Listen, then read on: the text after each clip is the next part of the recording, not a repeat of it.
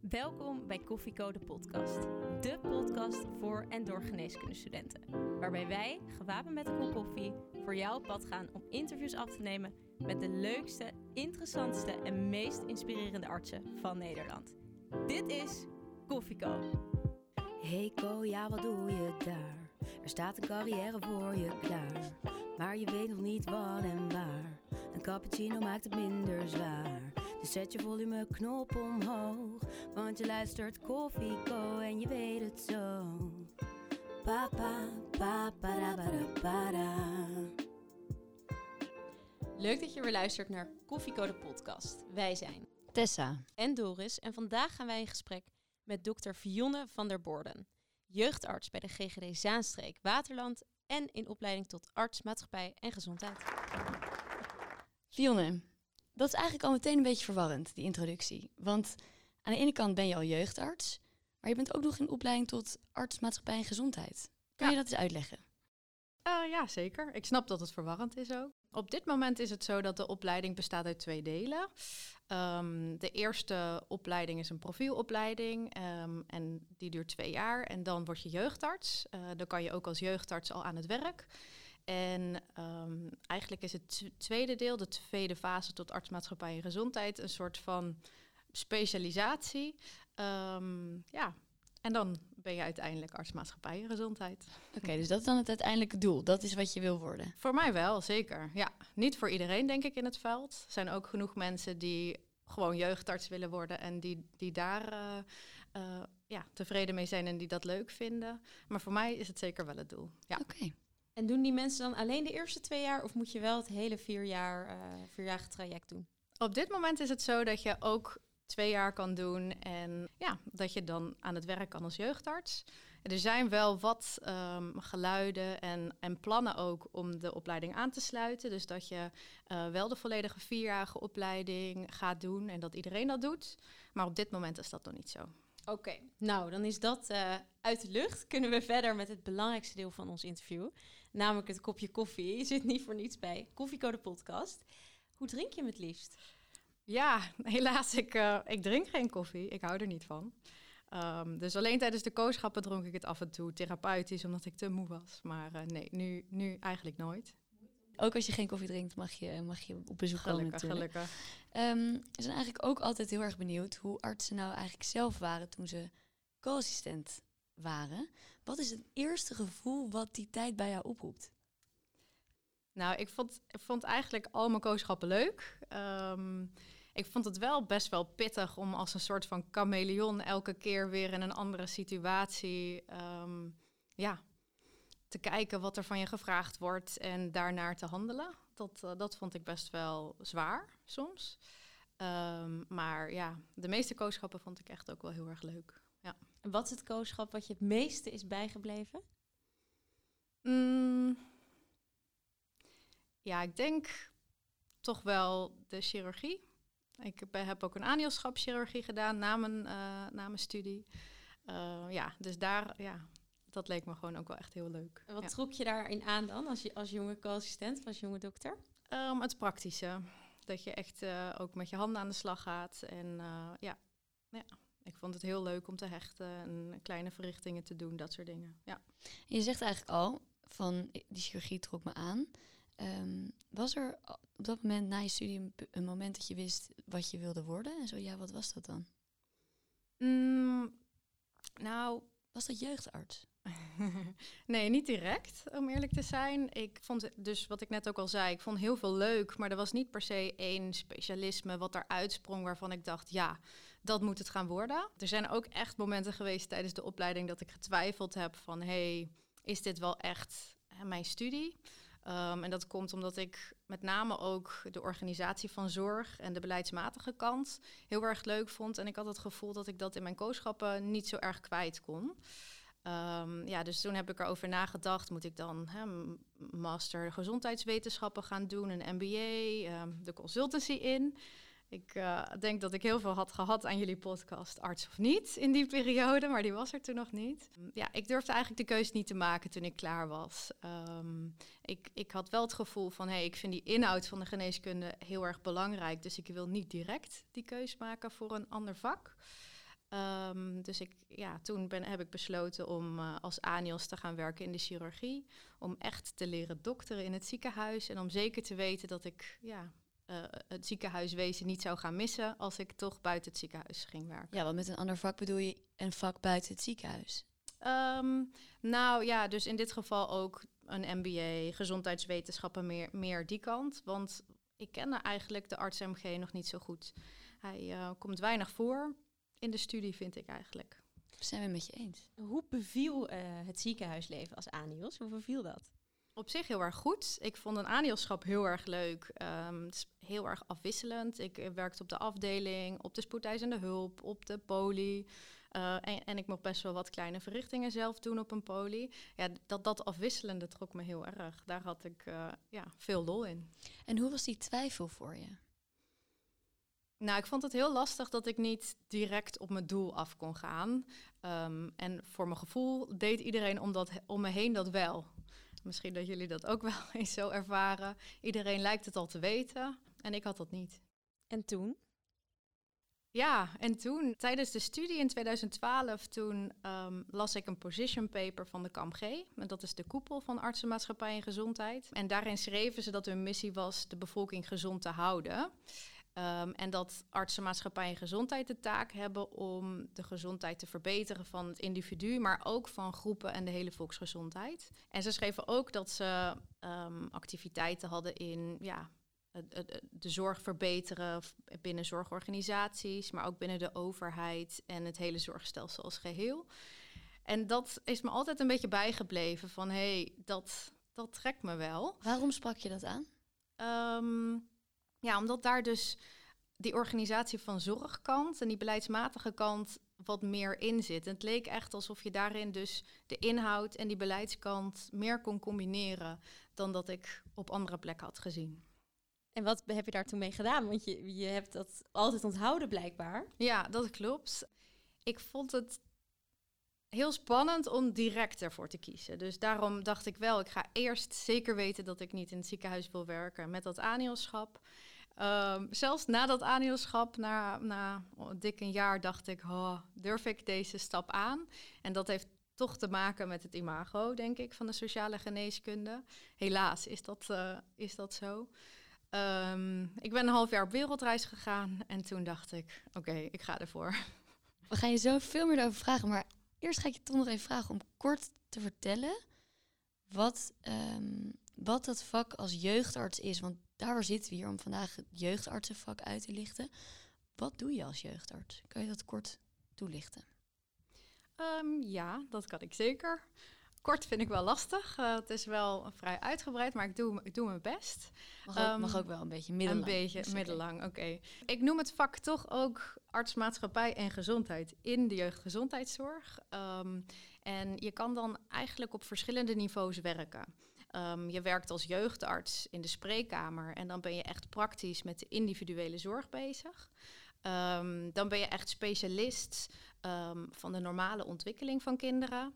En het is je taak om te normaliseren en om afwijkingen te signaleren.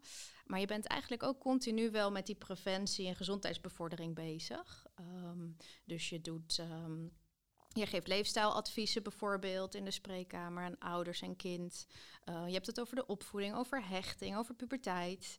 Um, en dat doe je altijd in samenwerking met uh, een pedagoog en jeugdverpleegkundige onder andere.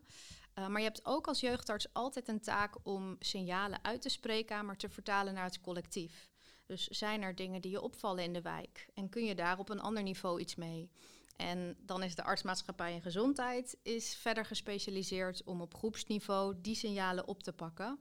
En te kijken in samenwerking met ketenpartners of met de gemeente van hé, hey, wat kunnen we met die signalen en kunnen we daar beleid voor maken? Um, en andersom zijn er natuurlijk ook altijd nieuwe ontwikkelingen in de wetenschap, uh, in het beleid, via de gemeente of de overheid. En de arts-MG vertaalt ook weer dat beleid naar de spreekkamer en het individuele niveau. Hele mooie uitleg. Toch willen we naast deze objectieve uitleg ook nog een beetje geprikkeld worden door jouw persoonlijke enthousiasme. En dat doen we altijd in de specialistenpitch. De specialistenpitch. 30 seconden waarin jij de geneeskundestudenten ervan overtuigt om voor jouw specialisme te kiezen. Wil je bezig zijn met gezondheid in plaats van met ziekte? Vind je het belangrijker om breder te kijken dan symptomen en wil je een individu in zijn omgeving plaatsen? Wil je met preventie en gezondheidsbevordering de gezondheid van onze jeugd versterken? Wil je specialist worden in de normale ontwikkeling van het kind? Dan is ArtsMG Jeugdgezondheid misschien iets voor jou. Als ArtsMG kijk je naast de gezondheid van het individu ook collectief naar de gezondheid van groepen of de hele bevolking. Je kunt het praktische werk in de spreekkamer combineren met strategie, beleid, onderzoek en innovatie. Kijk eens op de website artsmg.nl of loop een keertje mee. bijna, bijna. Nou, ik vond het indrukwekkend. Eigenlijk wat ik al meteen hoor in je praatje en ook hiervoor als we het over het vak hebben, het is de spreekkamer gecombineerd met het collectief, met de maatschappij. Ja, voor mij echt wel, ja.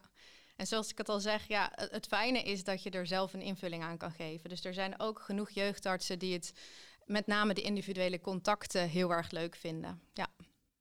Wat, is, wat heeft jouw voorkeur? Um, ik heb toch meer dat generalistische denken en ik vind het overstijgende denken heel erg leuk. Ja. En kun je ons dus even meenemen? Want ik denk dat het leuk is om te beginnen, vooral voor de co-assistenten die nog nooit een kooschap hier hebben gelopen, die het vak eigenlijk niet kennen, behalve van jouw uitleg net. Kun je ons eens meenemen in een, in een casus, om het, om het gesprek te openen? Een casus waarin je bijvoorbeeld het sociale van de spreekkamer of juist het maatschappelijke ja. uitlegt. Ja, um, dan is het eerst wel goed om te weten dat je um, je ook als jeugdarts kan richten op verschillende leeftijdsgroepen.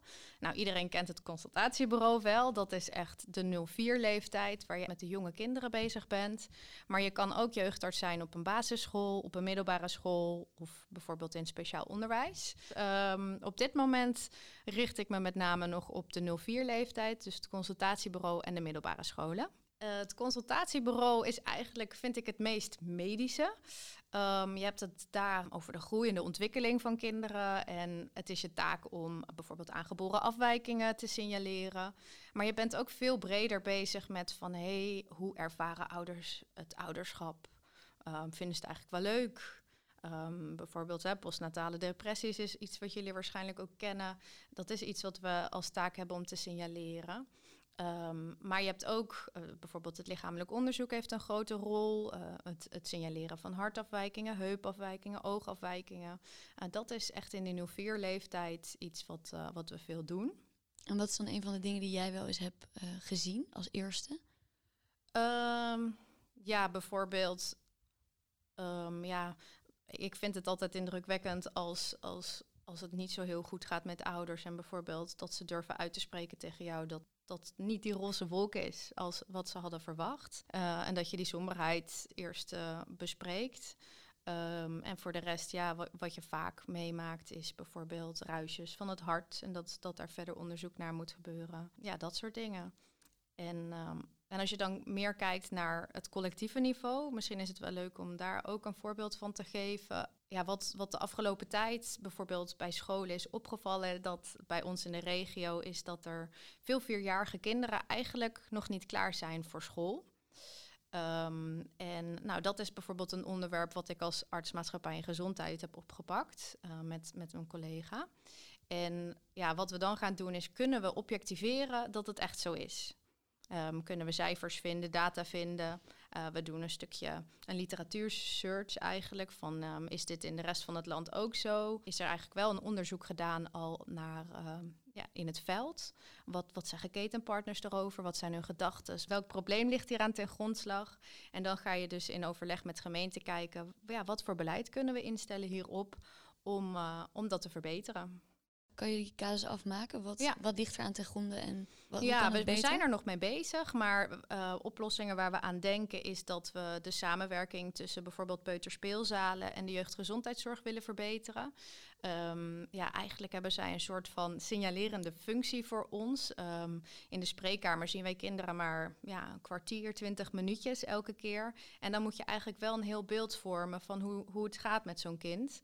Uh, terwijl ze op een peuterspeelzaal veel langer zijn. Um, dus ja, één onderdeel is dat we misschien dat we willen proberen om uh, ja, de pedagogisch medewerkers te betrekken. Misschien een stukje opleiding te geven over vroegsignalering. En om te zorgen dat ze ons weten te vinden op het moment dat ze afwijkingen zien. En we hebben het nu over de 0 tot 4-jarigen, maar er zijn nog veel meer andere leeftijden. Wat zijn maatschappelijke kwesties of dingen in de spreekkamer die je tegenkomt bij de wat oudere kinderen? Ik ben dus ook jeugdarts op een middelbare school. Ehm, en wat we daar doen, ehm, ja, in principe screenen we alle kinderen twee keer bij ons bij de, in, in de organisatie. Dan krijgen ehm, jongeren een vragenlijst. Uh, dat gaat over hoe zit je in je vel, hoe gaat het thuis, hoe gaat het op school. vragen over seksualiteit, vragen over drugs, over alcohol. En op basis daarvan nodigen we uh, ze uit bij de verpleegkundige of bij de jeugdarts. en ja, onderwerpen die daar ter sprake komen zijn veel psychosocialer. Dus vaker bijvoorbeeld niet lekker in de vel zitten. En dat, dat is wel de grootste reden hè, waarop ik mensen spreek eigenlijk. Ja. Hoe gaat dat, seksualiteit bespreken met best wel jonge kinderen? Dat lijkt me moeilijk. Ja, op dit moment is het zo dat, dat ja, het is eigenlijk wel makkelijk. De jeugdverpleegkundige doet dat met name. Jij doet dat niet. Nou ja, af en toe komt het ter sprake natuurlijk, dus dan wel. Um, ja, het, het beste is gewoon om daar open over te zijn en, en alles bespreekbaar te maken. Ja. En een veilige omgeving te creëren. Zeker, absoluut. We hebben het nu over open zijn en bespreekbaar maken. Maar wat zijn nou andere dingen die je als jeugdarts echt moet bezitten? Waarvan jij zegt, nou, als ik nou drie kwaliteiten mocht, mocht noemen. Ja, met name communicatief vaardig. Um, omdat je echt moet aansluiten uh, bij het kind, bij de jongeren en bij ouders. En je moet echt ook wel een soort van goodwill kweken om vervolgens adviezen te geven. Want ja, het werk is wel heel anders. Mensen komen um, niet met een klacht naar jou toe. Hè. Het, is, het is niet hulpvraaggericht. En je wil ook best wel vaak ongevraagd adviezen geven. En daarvoor moet je dus wel echt wel die goodwill gekweekt hebben. Dus dat is denk ik een hele belangrijke. Um, ik denk ook dat het belangrijk is om die brede blik te hebben. Om echt te willen onderzoeken wat, wat ligt er nou aan ten grondslag aan wat hier aan de hand is. Welke factoren zijn allemaal nog meer belangrijk. Denk bijvoorbeeld aan overgewicht. Je kan meteen kijken van nou, wat eet iemand, wat beweegt iemand, uh, eet iemand te veel. Maar het is ook heel belangrijk om veel breder te kijken um, naar de rest van hun leefstijl. Is er sprake van stress? Um, is er thuis, zijn er problemen, scheiding, financiële problemen? Slaapt een kind goed? Wat zijn de gevolgen van het overgewicht? Heeft, uh, wordt een kind gepest? Um, heeft, iemand, heeft een kind vreedbuien? Uh, ja. Dus dat, die brede blik is ook heel erg belangrijk.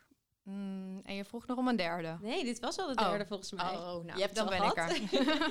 ik kan er wel meteen even op inhaken. Namelijk, je stipt het zelf al aan. Je ziet een gezonde populatie. Ja. Je hebt geen zieke patiënten per definitie, vast ook wel af en toe. Ja. Hoe is dat voor je als jeugdarts? Dat is eigenlijk een van de dingen die me juist gemotiveerd hebben om te kiezen voor dit vak. Um, je bent dus met preventie bezig, met een gezonde doelgroep. En dat is ook heel positief en heel prettig. Wordt als geneeskundestudent word je echt opgeleid om ziekte te herkennen.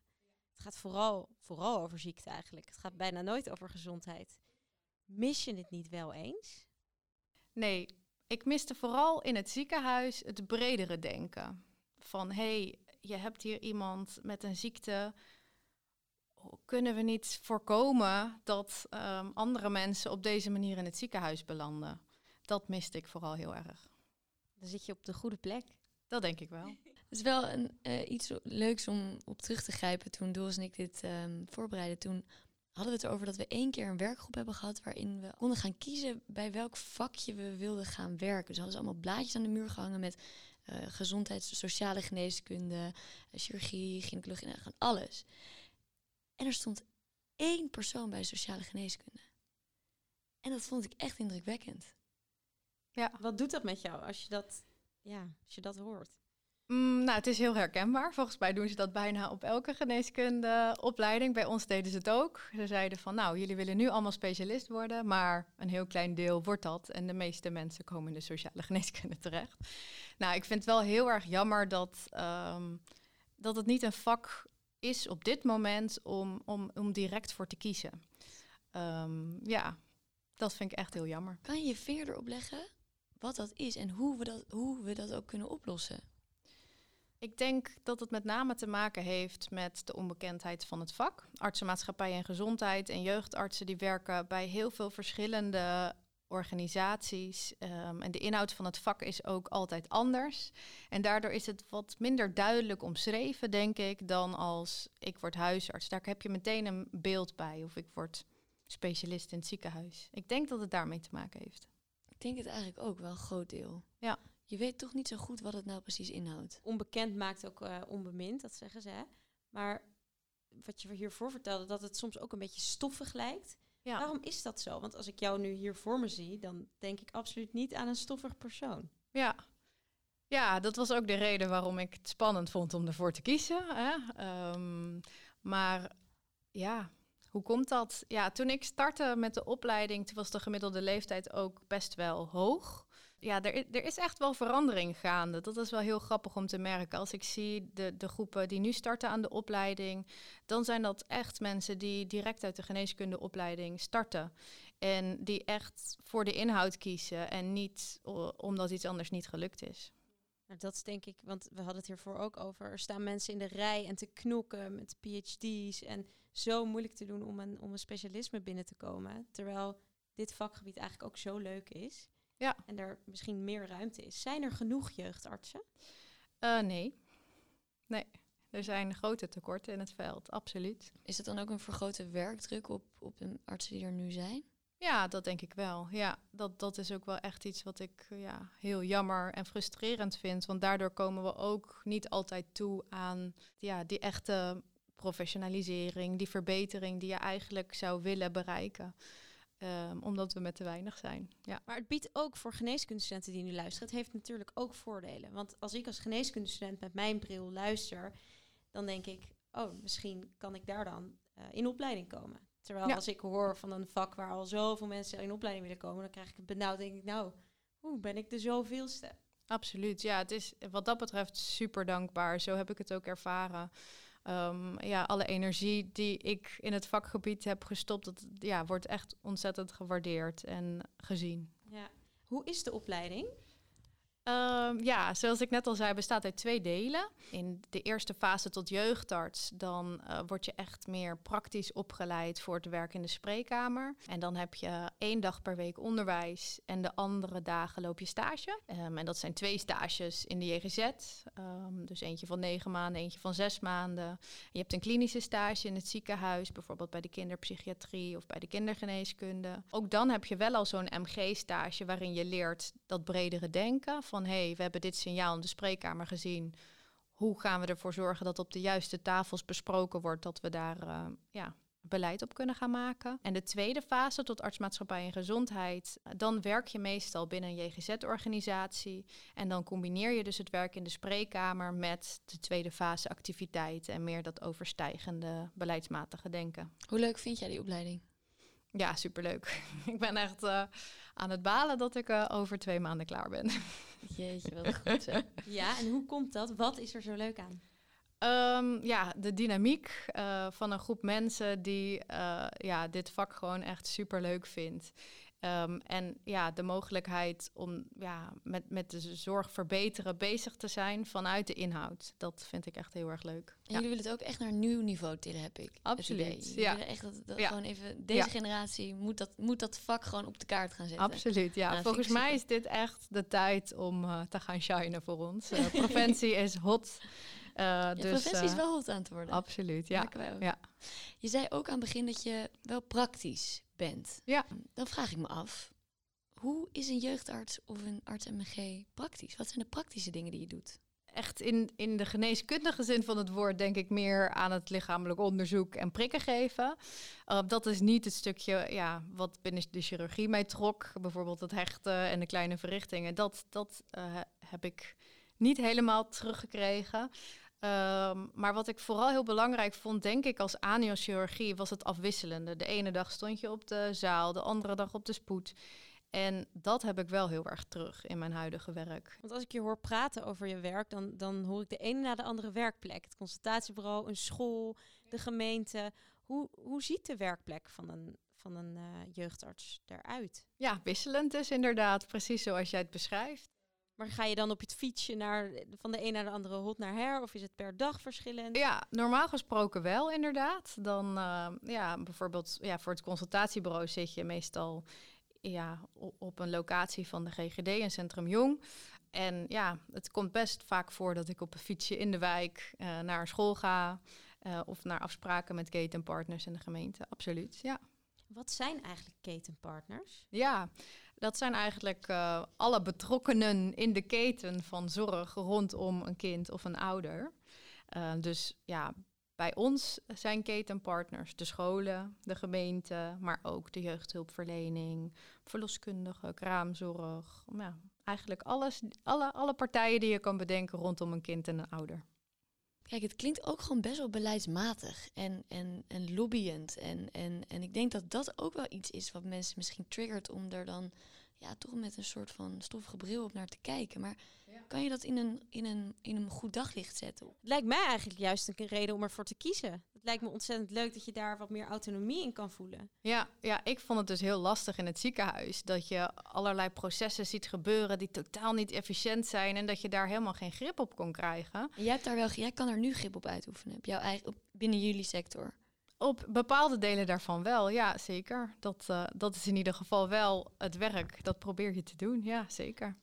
Want je moet ook wel je stem kunnen laten gelden voor bepaalde maatschappelijke thema's. Wat zijn thema's die jou aan het hart gaan? Dingen waar ik me echt op richt, is toch wel overgewicht is een van mijn aandachtsgebieden om daar overstijgend mee bezig te zijn.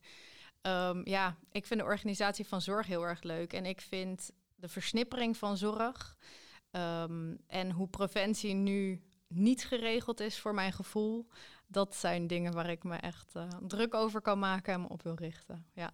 Preventie niet geregeld. Ja, daar moet ik over doorvragen. Wat bedoel je? Nou, wie is er verantwoordelijk voor preventie, vind jij? God, dat vind ik een hele moeilijke vraag. Dat hangt er volgens mij heel erg van af bij welk vakgebied de preventie ja. toepasbaar is. Ja. ja, dus specialisten hebben zich uitgesproken dat um, dat ze zich wel op preventie willen richten, maar eigenlijk alleen maar als een patiënt al ziek is. Anders kennen ze die patiënt namelijk helemaal niet. Nee, dat is op zich, op zich best wel logisch. maar ik denk ook dat je best impact kan hebben. Dat zie je bijvoorbeeld met uh, de kanter, met de anti-roken. Dat je zeker ook impact kan hebben. Ook al zit je helemaal aan het einde van het traject. Je kan dan juist laten zien wat het gevolg is als je je gedrag niet verandert. Dus eigenlijk moeten de specialisten en de uh, arts in het sociale domein een brug slaan. Ja, dat zou ik dus heel graag willen. Ja, absoluut. Een van jouw doelen. Ja. Dus de vraag is eigenlijk, waar ligt de verantwoording? Verantwoordelijkheid, ja. Ik denk wel dat dat nodig is om echt verandering teweeg te brengen. Iemand moet daar continu mee bezig zijn om, om dat te borgen, om te zorgen dat het land. Ja. Nou, een hele andere vraag weer over een andere boeg. Uh, een van de dingen waar iedereen denk ik naar op zoek is in zijn beroep, is toch een, een soort dankbaarheid. Met een grote glimlach de deur uitgaan elke dag. Hoe vaak gebeurt dat jou? ja, de laatste tijd gaat dat best wel goed eigenlijk. Um, en denk ik wel eigenlijk elke dag. Zijn er momenten waarop je denkt, oh, of ja, waarop de patiënten aan jou laten zien dat ze dankbaar zijn? Of waarop collega's aan je laten zien dat ze dankbaar zijn? Ja, ik vind organiseren dus heel erg leuk. Dus als als het me lukt om dingen goed te organiseren, dan zijn collega's daar heel erg blij mee. Als ik in de spreekkamer um, voor cliënten noemen we het dan, omdat ze niet ziek zijn.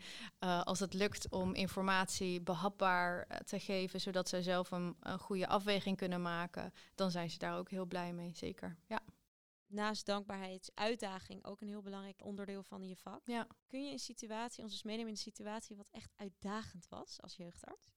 Dan denk ik met name aan mijn werk op een middelbare school. Ja, dan spreek je leerlingen die soms niet zo lekker in hun vel zitten. En soms is dat zelfs zo ernstig dat ze daarbij suïcidale gedachten hebben of um, automutileren. Maar dat vertellen ze dan aan jou en je mag het eigenlijk aan niemand doorvertellen. Uh, ja, dan, uh, dan kom je niet zo heel veel verder. Want ja, in sommige gevallen is het wel echt zo ernstig. En dan moet je toch met zo'n jongere wat je heel goed begrijpt in de puberteit, dat je geen zin hebt om daar met je ouders over te praten of met iemand anders, moet je er toch uitkomen dat zo'n jongere hulp gaat accepteren. En dat je, als het nodig is, zelfs met school in gesprek gaat, met ouders in gesprek gaat. Dat vind ik altijd wel een hele uitdagende. En zit je dan aan een grote tafel als, ja, als jeugdarts met een ouders, met kinderen, met, met juffen of meesters? Hoe, hoe zie ik dat voor me? In eerste instantie heb ik vaak een gesprek met een jongere alleen. Dan nodig ik vaak ouders erbij uit om het gesprek aan te gaan. En als het nodig is, ja, we hebben ook best wel vaak uh, MDO's, multidisciplinaire overleggen, als dat school er ook bij is.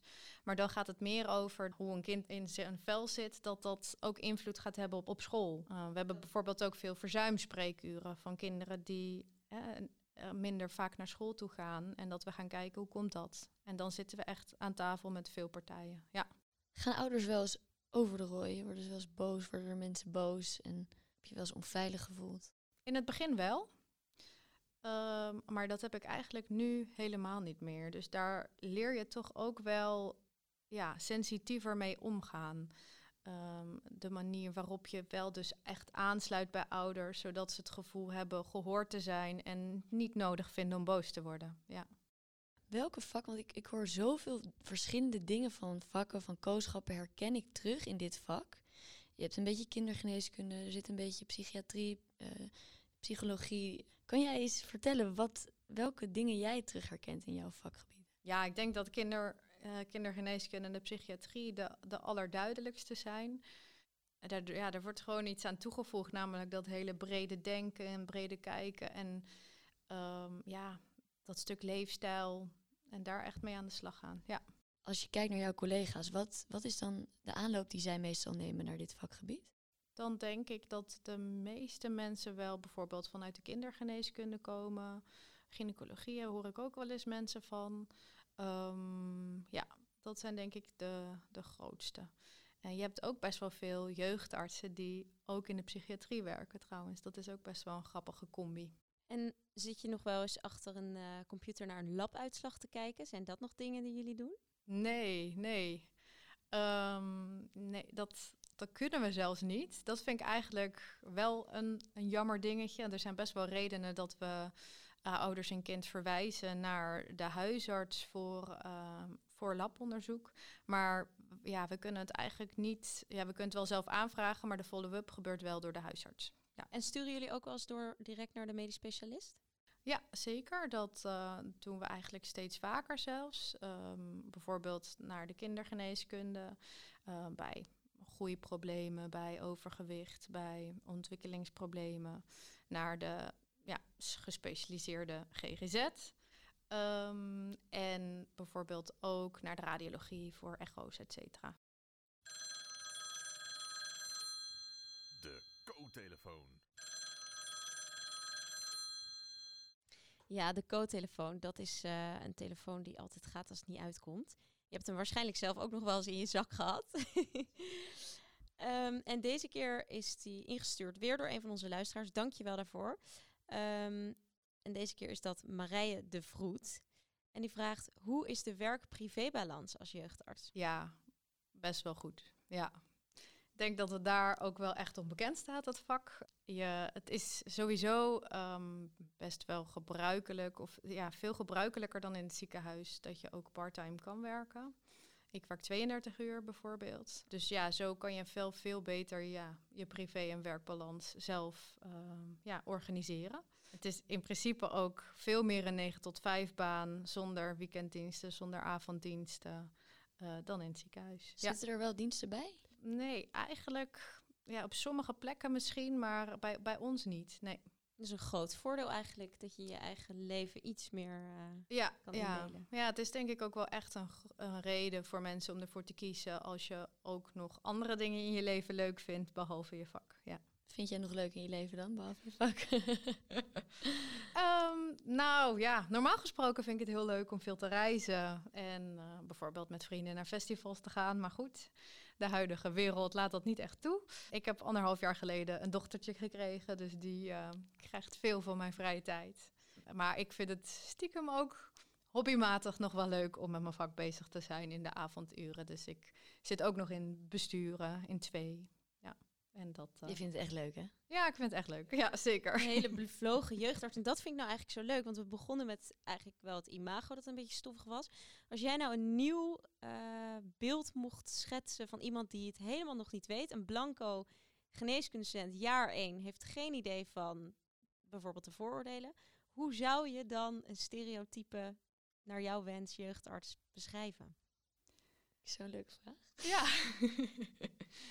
ja, hele leuke vraag. Ehm, ja, dan, dan echt die passie voor preventie. Om echt ervoor te zorgen dat, dat jongeren een goede basis krijgen. Wat ik bijvoorbeeld ook heel interessant vind, is intergenerationele problematiek. Hè? Dus als jongeren of als een kind geboren wordt in een bepaald bedje, is het heel moeilijk om hem daaruit te krijgen om hem een ander pad te laten bewandelen. En ik denk dat we als jeugdartsen daar ja, toch wel grip op proberen te krijgen met preventie en gezondheidsbevordering zo'n kind een betere toekomst kunnen geven. Een vrolijke, bevlogen dokter met voorliefde voor preventie.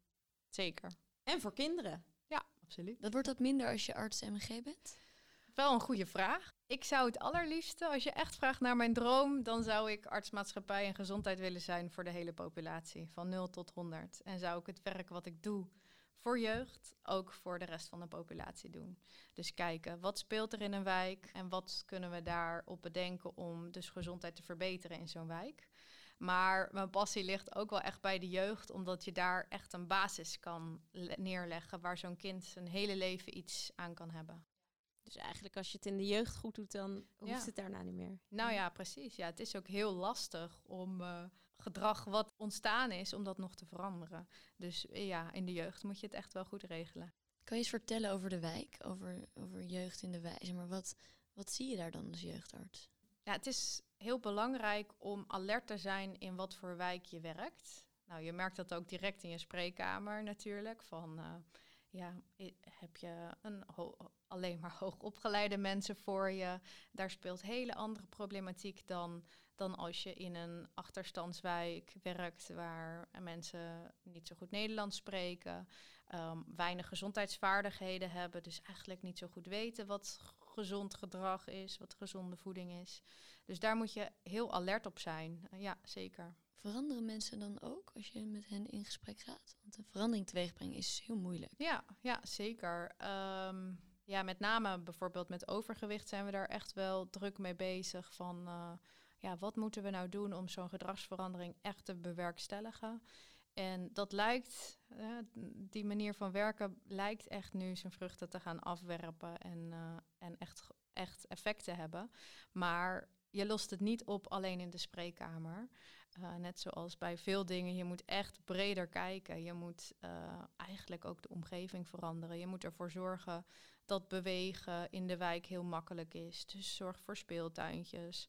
Um, je moet ervoor zorgen dat de McDonald's eigenlijk uh, niet te vaak uh, vindbaar is, maar dat de gezonde keuze de makkelijkste keuze is. En dan komt toch echt weer hè, dat beleidsmatige en ook de gemeente betrekken. En de, echt de omgeving veranderen om die gezondheid te stimuleren. Ik vind dat dus wel heel cool. Dan, dan ben je, zit je in een bepaalde wijk en dan zie je bijvoorbeeld allemaal, hoe ik het nu voor me zie, hè?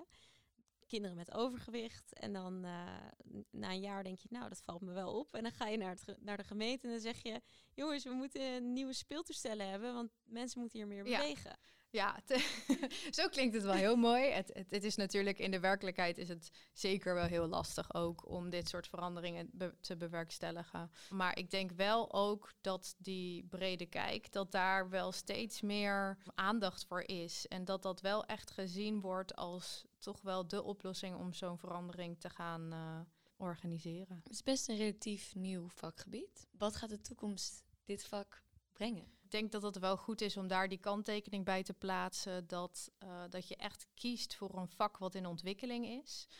Uh, het is niet zo dat uh, als je de opleiding doet, dat je dan precies weet, hé, hey, ik kom terecht in die spreekkamer en dit zijn mijn taken, dit zijn mijn activiteiten. Um, ook in het werkveld is er heel veel beweging en ja, dat maakt dat dat die toekomst nog niet helemaal uitgekristalliseerd is. Dat is juist een reden waarom ik voor het vak heb gekozen, omdat ik daarmee ook invloed heb hoe, op hoe dat vak eruit gaat zien. Um, en daarmee ja, mee kan doen in dat innovatietraject. Oké, okay, dan is het nu tijd voor het doktersdilemma. Dat doen we altijd om, uh, om mensen even voor een keuze te stellen, om weer wat meer over jou te weten te komen. Het doktersdilemma. Het leven bestaat soms uit lastige keuzes. Denk niet te lang na en geef snel antwoord. Baby's of pubers? Mm, baby's. Fight or flight? Fight. Ziekenhuis of huisartsenpraktijk? Huisartsenpraktijk? Offline of online? Offline. Chirurg of internist? Chirurg. Lui vakantie of een actieve reis? Actieve reis? Ochtend- of avondmens? Mm, ochtend. Een compliment ontvangen of een compliment geven? Mm, geven. Oké, top. Dat is het al. Ik pak er even eentje uit. Fight or flight? Ben jij zo'n eh, vechter? Ja, ik, ehm, ik sta wel, ik wil wel ergens voor staan en ervoor gaan. Ja, dat, is dat ook een reden om je dit vak... Dat, dat- eigenlijk zeg je dat al tijd. Dat je, je staat ergens voor. Je wil iets van verandering teweeg brengen. Ja. ja, ik heb wel heel bewust gekozen voor een vak waar potentie in zit, maar waar, waar ook wel ja, verandering mogelijk is om, om het vak echt op de kaart te zetten. Ja, zeker. Oké, dan gaan we een beetje afronden. En dan ben ik nog wel benieuwd... Wat is de beste tip die je zelf ooit hebt gekregen toen je een jonge dokter was? Ja, dat is toch in de keuze die je maakt voor het vak. Niet zo bezig zijn met wat denken anderen daar nou van, maar echt gewoon voor jezelf kiezen. Je hebt eigenlijk meerdere keren gezegd dat het best wel een moeilijke beslissing was om, om voor eh, dit vak te kiezen. Was het daardoor ook? Mm, ja, ik was wel behoorlijk ermee bezig. Ja, het is best wel een grote overgang van de chirurgie natuurlijk naar de sociale geneeskunde. Ja. En ja, dan, dan hoor je de vooroordelen natuurlijk al gaan. Van ah, niet zo gemotiveerd, wil minder hard werken. Wil, eh, terwijl ik echt vanuit de inhoud voor dit vak koos. En eh, echt, echt heel ambitieus ben. Dus dat, eh, ja, dat vond ik heel lastig. En terugkijkend, was je nou gelukkig geweest, denk je, als leven als chirurg? Ja, wat ik heel jammer vind aan specialiseren in een ziekenhuisvak is dat je steeds meer weet over zo'n klein stukje. En eigenlijk dan de, de rest, de, de bigger picture, verliest. En nu ben ik eigenlijk specialist in generalist zijn. en dat, eh, dat, dat vind ik heel, eh, heel mooi. Dat Ja. bevalt. Zeker. Nou, Ja. dat vind ik een heel mooi ehm, einde voor dit ontzettend bijzondere interview. Ik vond het echt super leuk dat je er was. Ik denk dat het eh, vak op een onwijs leuke manier op de kaart is gezet. Ik ben in ieder geval overtuigd om het eh, toch misschien eens te heroverwegen. En ehm, we eindigen altijd met een laatste ding. Dat is namelijk jouw tip voor de jonge dokter die nu luistert. Wat is jouw tip? Ehm, ja, mijn tip aan eh, jonge dokters is: kijk ook eens rond buiten het ziekenhuis. Er is zo ontzettend veel meer mogelijk waar je tijdens je studie vaak geen weet van hebt. En ja, misschien past dat wel veel beter bij jou en de rest van je leven. En daar is ook echt, echt genoeg uitdaging in mogelijk. Ehm, en nog, ik heb nog een tweede tip eigenlijk. En dat is waar je ook komt te werken. Ehm, verdiep je ook eens in het public health, dat bredere denken. Want misschien kun je vanuit je positie ook impact hebben op de volksgezondheid. En als dat kan, doe daar dan ook iets mee. Uh, we hadden het al over het voorbeeld van het roken. En er zijn ook KNO-artsen die zich inzetten voor gehoorschade. Dat vind ik echt super mooie initiatieven. Uh, zoek de samenwerking met een artsmaatschappij en gezondheid in je regio. En uh, ja, misschien ontstaat er wel wat moois uit. Echt heel erg bedankt voor deze mooie tips. Vooral ook dat laatste van sla die brug. Dus uh, ja, voor de mensen die in het ziekenhuis gaan werken en in het sociale domein. Er zijn mooie samenwerkingen mogelijk. En ik denk dat je dat ook heel erg vandaag hebt meegegeven als boodschap. Dus heel erg bedankt daarvoor. Ja, helemaal goed. Tot de volgende keer bij Koffiecode Podcast.